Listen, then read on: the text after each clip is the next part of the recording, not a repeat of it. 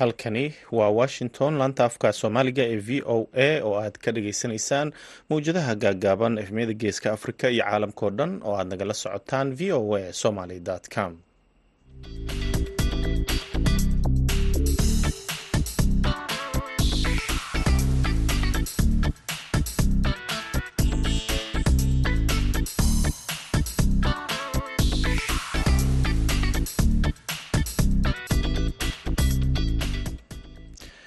duhur wanaagsan dhegeystayaal waa maalin jimco ah afariy labaatanka bisha novembar sanadka laba kun saddex iyo labaatanka.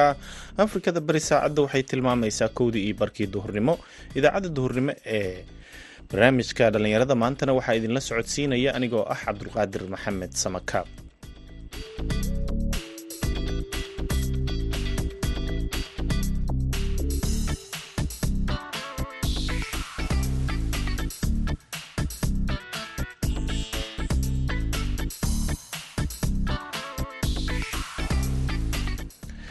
qodobada aad ku dhagaysan doontaan idaacaddeenna duhurnimo waxaa ka mid ah barnaamijkii sooyaalka dhaqanka oo ku saabsan dhaqankii reer guuraaga iyo sahmaynta xoolaha. Dadku sideedaba waxay ahaayeen dad xoolodhaqata ama reer guuraaya xoolodhaqatinimada ayaa waxay ku kadeedaysay dadka ama ku ajkuraysay in ay ku kala guuraan meelo kala duwan oo ay ka helayaan baad iyo biyabaan ciyaarihii iyo kaalmihii heesaha ayaad sidoo kale maqli doontaan balse intaasoo dhan waxaa ka horreeya warkii dunida.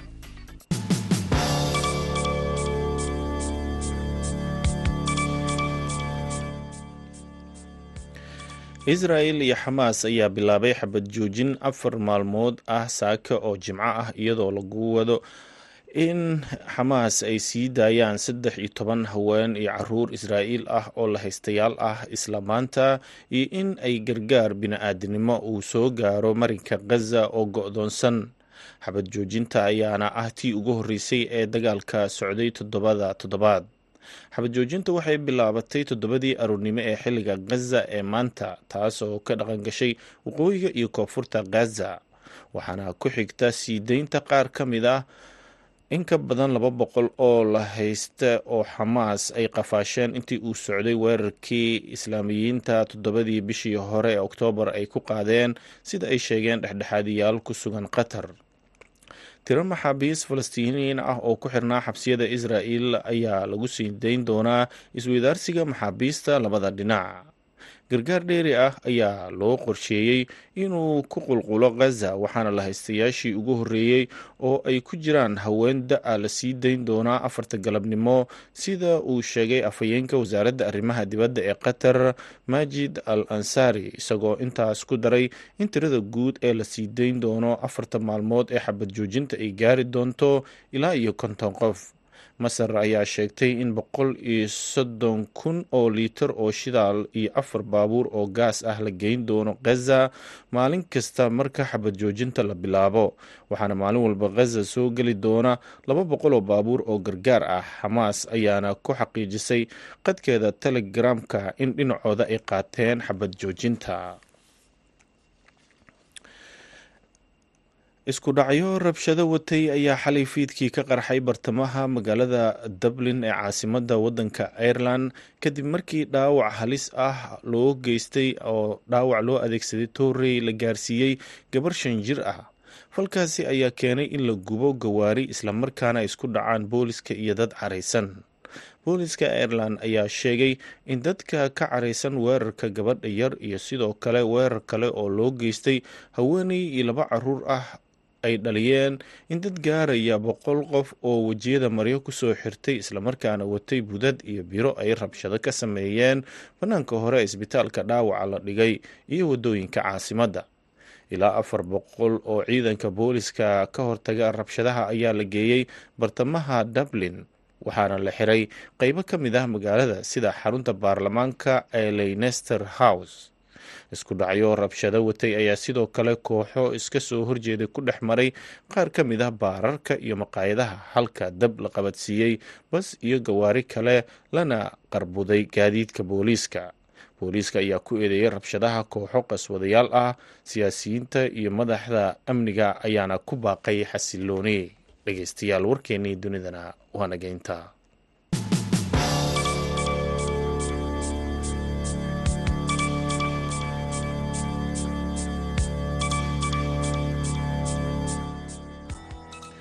duhur wanaagsan dhegeystayaal halkaad weli nagala socotaan waa idaacadda v o a oo idinkaga imaaneysa washington. Haddana waxaad ku soo dhowaataan barnaamijkii sooyaalka dhaqanka waxaana la socodsiinaya haashim sheekh cumar good oo ku sugan boorama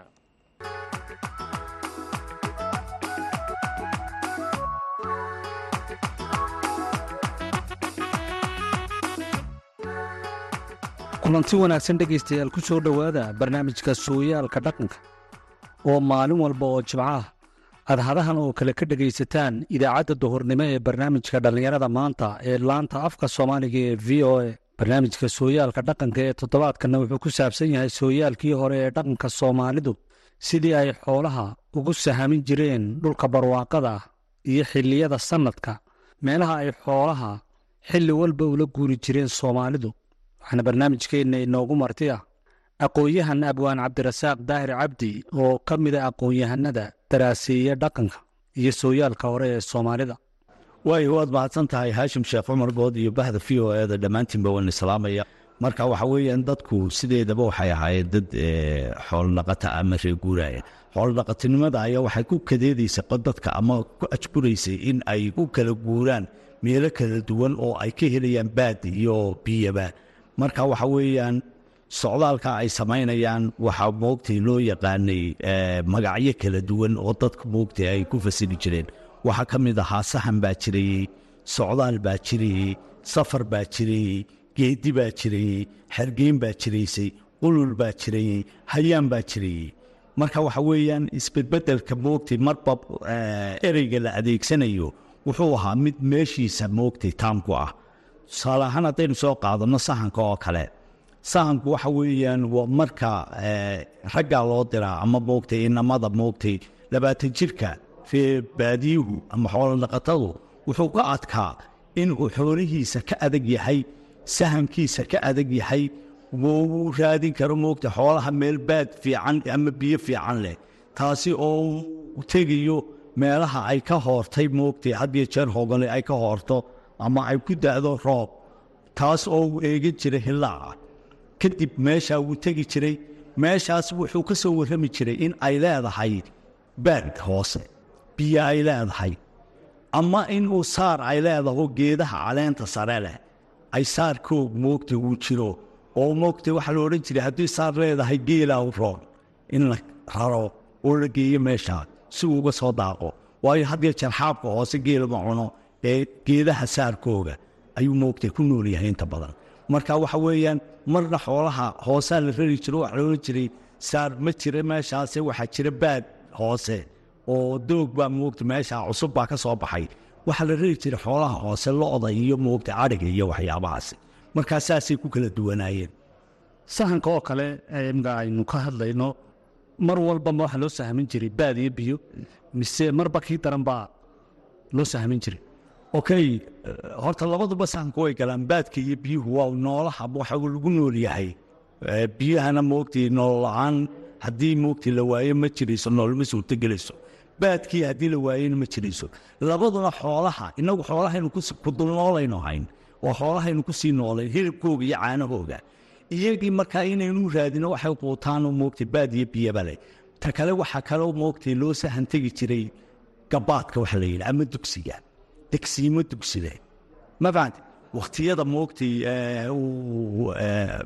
jiilaalka iyo gugii dabayshu laba dhinac bay ka kala timaadaa midna moogta waxay ka timaadaa koonfur galbeed midna waxay ka timaadaa moogtay waqooyi moogtay bari marka waxa weeye isbeddelkaasi marba dhanka dugsiga leh ayaa loo sahan tegi jira oo loo guuri jiray si looga nabad galo dabayshaas qallajinaysa moogtay baadka iyo moogtay iyo meelaha uu ku hadhi kara gabaad kale.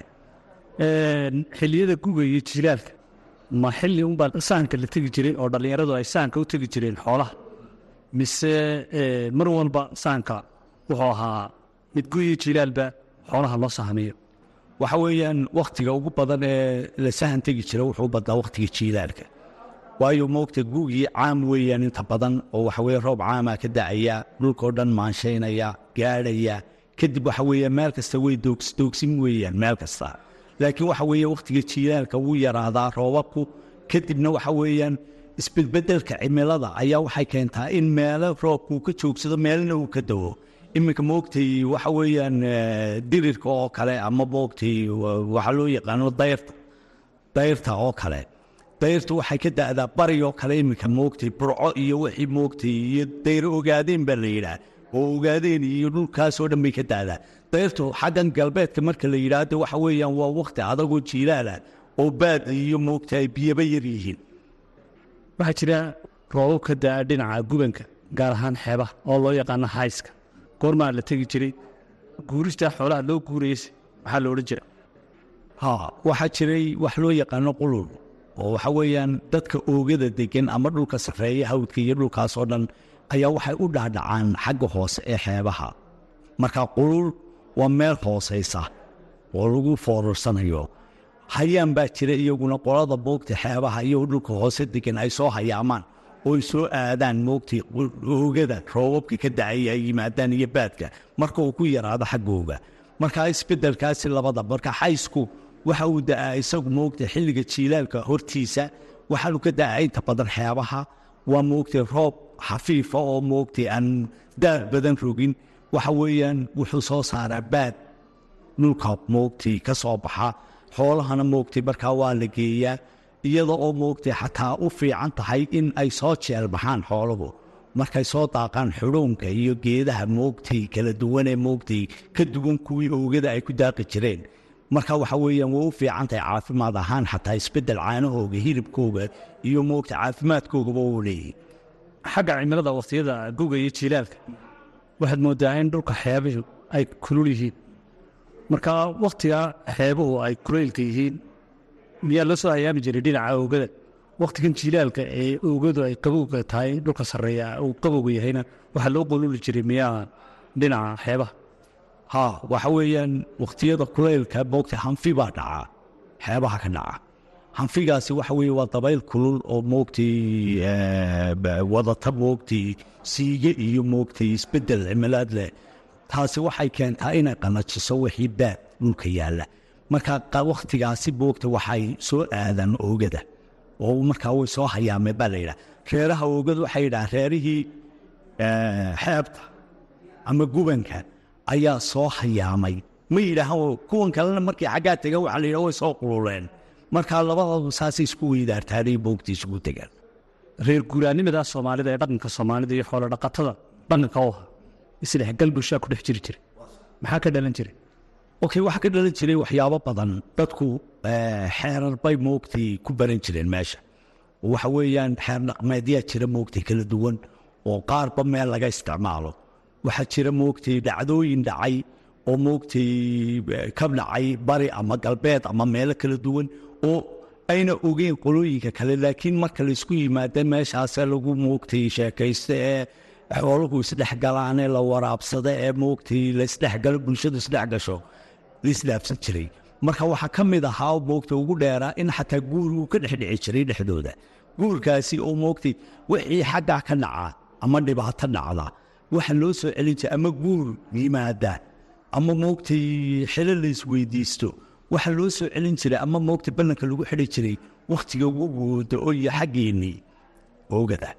Marka sidaasay u soo bixi jireenoo hadhow markaa hawshii wixii qulul ka dhacay wax lagu gorfayn jiray oogada marka dambe. Xoolihii dusha ka soo qululay marka ay xeeboo kala yimaadaan ma keeni jirtay isbarasho iyo dhaqan wadaag ma keeni jirtay. Ha way keeni jirtay.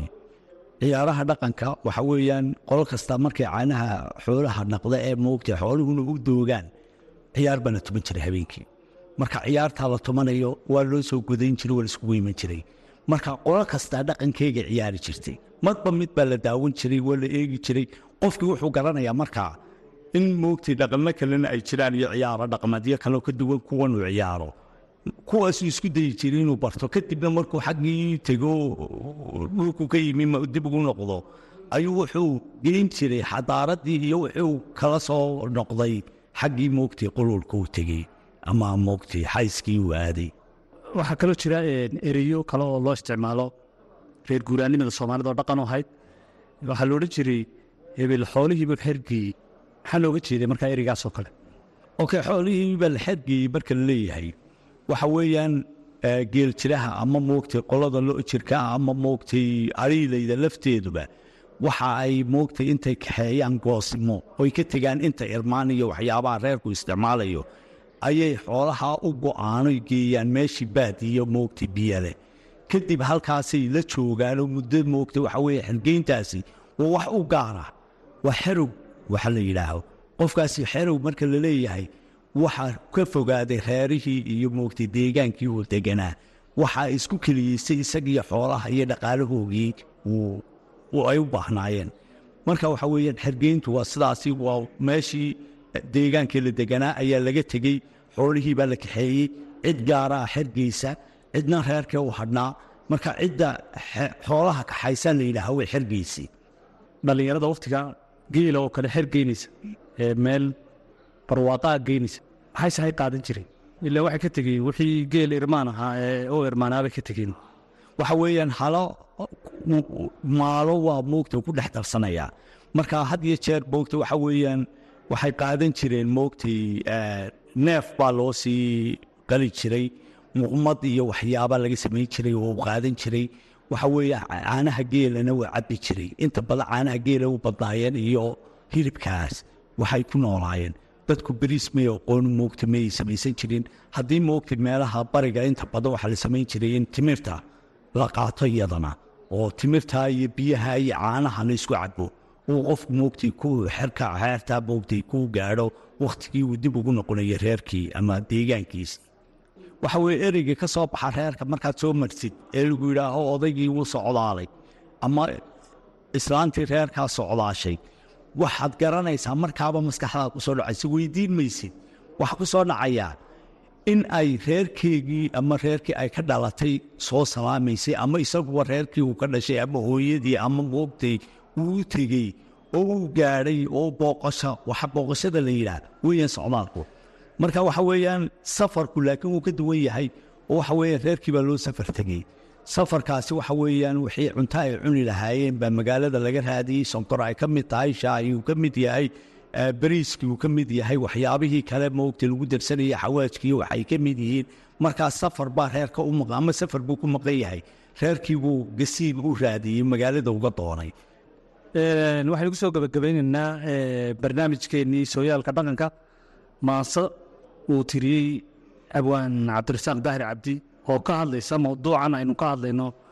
Maasadaasi maxay leedahay cabdirasaaq okey waxay leedahay sida xayska roobkoo xilligiisii da'ayuu xeebaha u gaar yahay iyo hoos xaggeeda. Reere xilliyadoodii intay xoolahoodii qulul ay xergeeyeen xiisahoodu uu yahay xeel inay ku gaadhaan xagga laasciidliyo bullaxaar xoddeediyo xuluulkii lughaya iyo buurxaab dusheedii eele iyo xayaabley oo xoorka caanuhu inta ay xirfanayaan xoday daaqa dhadhankiiyo xudhuunkii u dheer yahay la lisaayo xigihii iyo xilliyada dharaartii uda ceelka loo xulay darku xeran la jaariyaa xurbo iyo wanaag taal xeeladii u dheertahay la wadaago xogihiyo wixii xaal adduun yaal xigashadeedana loo celin halka xaalka laga helay ee xuduntiisu ay tahay iyo xaalna la ysku dhaafsaday iyo haween xilashadoodii guga ballanka uu xigo iyo xaalad guurkeed la ysku xulay quluubtiyo xubnahooda qaarkood. Marka waxay ka hadlaysaa dadku marka ay qululaan isdhexgalka iyo moogtay bulshada moogtay dhaqannada moogtay kala duwanay iskugu yimaadaan iyo isweydaarsiga gabdhaha iyo guurka oo intaba moogtay inta meesha lagu gorfeeyo dib haddana moogtay loogu ballan dhigto moogtay wakhtiga dib loogu noqdo reerihii ama gogu wado oo in arrinkaasi la fuliyo oo gabdhihii laysku doonto xoolihii laysdhaafsado wixii moogtay halkaa ka dhacay meeshaas. Intaas waxaynu ku soo gunaanadaynaa kuna soo gabagabeynaynaa barnaamijkeennii sooyaalka dhaqanka ee toddobaadka oo idinkaga imanayay magaalada boorama ee gobolka awdal martina uu inoogu ahaa aqoon-yahan abwaan cabdirasaaq daahir cabdi oo ka mid ah aqoon-yahanada soomaaliyeed ee daraaseeya dhaqanka iyo sooyaalkii hore ee soomaalida. Barnaamijkeenna toddobaadka oo aynu ku soo qaadanay dhaqankii hore ee soomaalida ee xoolaha ugu sahamin jireen dhulka barwaaqada iyo xilliyada sannadka meelaha ay xoolaha xilli walba ula guuri jireen soomaalidu. Waxaana barnaamijka idinka soo diyaariyey magaalada boorame ee gobolka awdal anigoo ah haashim sheekh cumar good tan iyo kulantadeenna dambe dhegaystayaal. Waxaan idinkaga tegaynaa sidaas iyo nabadgelyo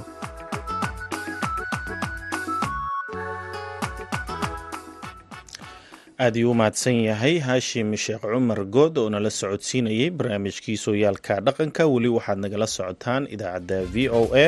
Haddana waxaad ku soo dhowaataan wararkii cayaaraha. Haddii aan ku horeyno dhinaca iyo qaaradda yurub waxaa dib lisugu soo laabanayaa horyaalada waaweyn ee kooxaha kubadda cagta qaaradda yurub oo labadii toddobaad ee la soo dhaafay laga maqnaa.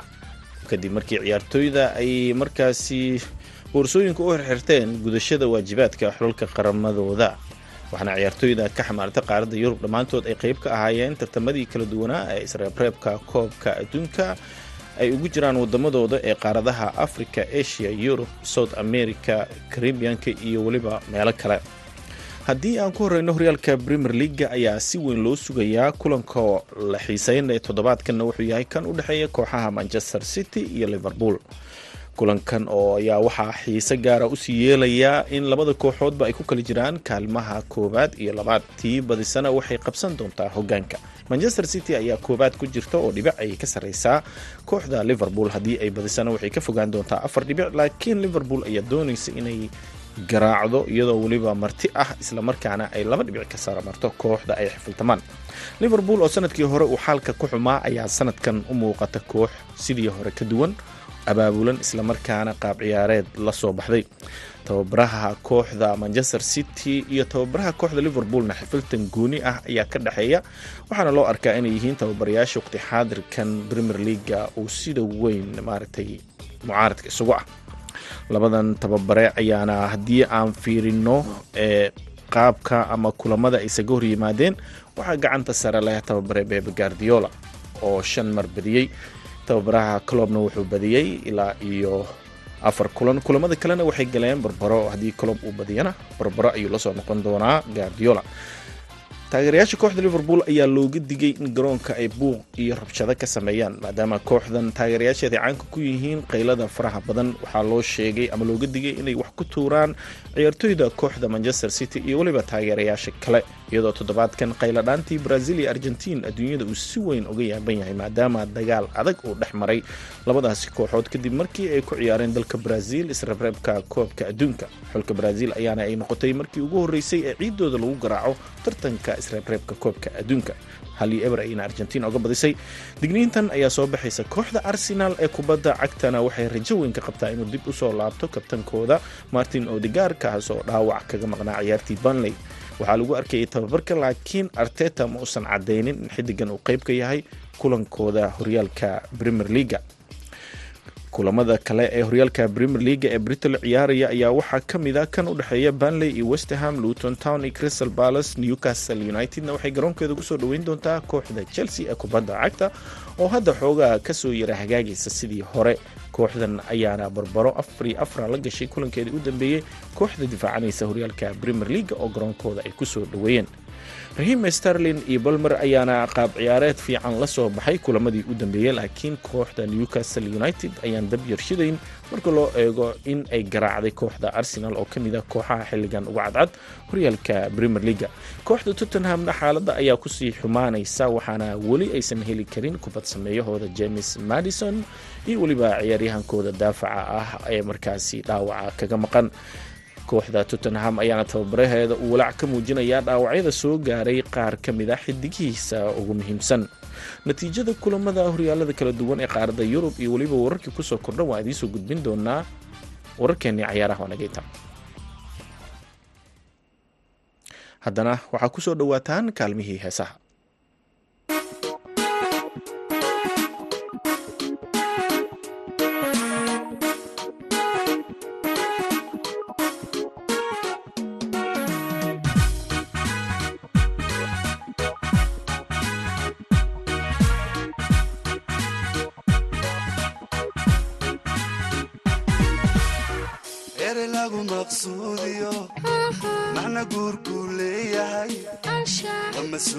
mas'uuliyaday qaadaan mudan iyo haweeney waa mas'uuliyaday qaadaan mudan iyo haweeney oo maqaam tilmaam laho milicsiga aroos shidan.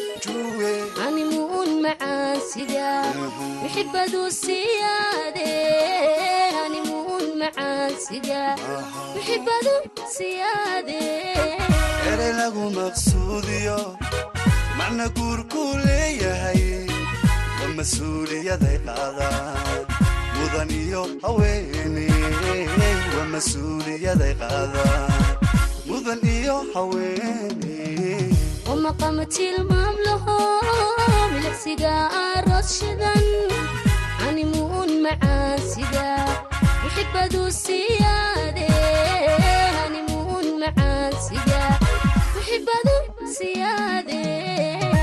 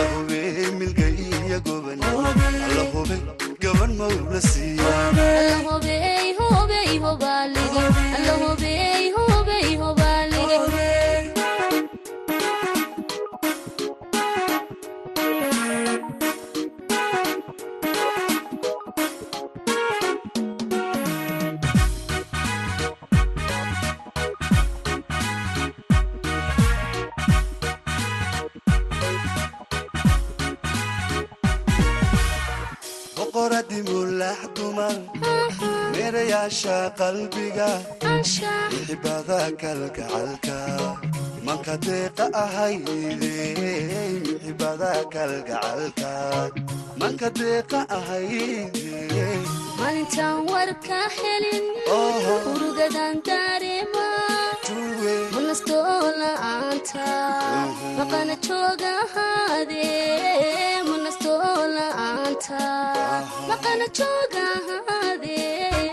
boqoradii mulax dumar meerayaasha qalbiga.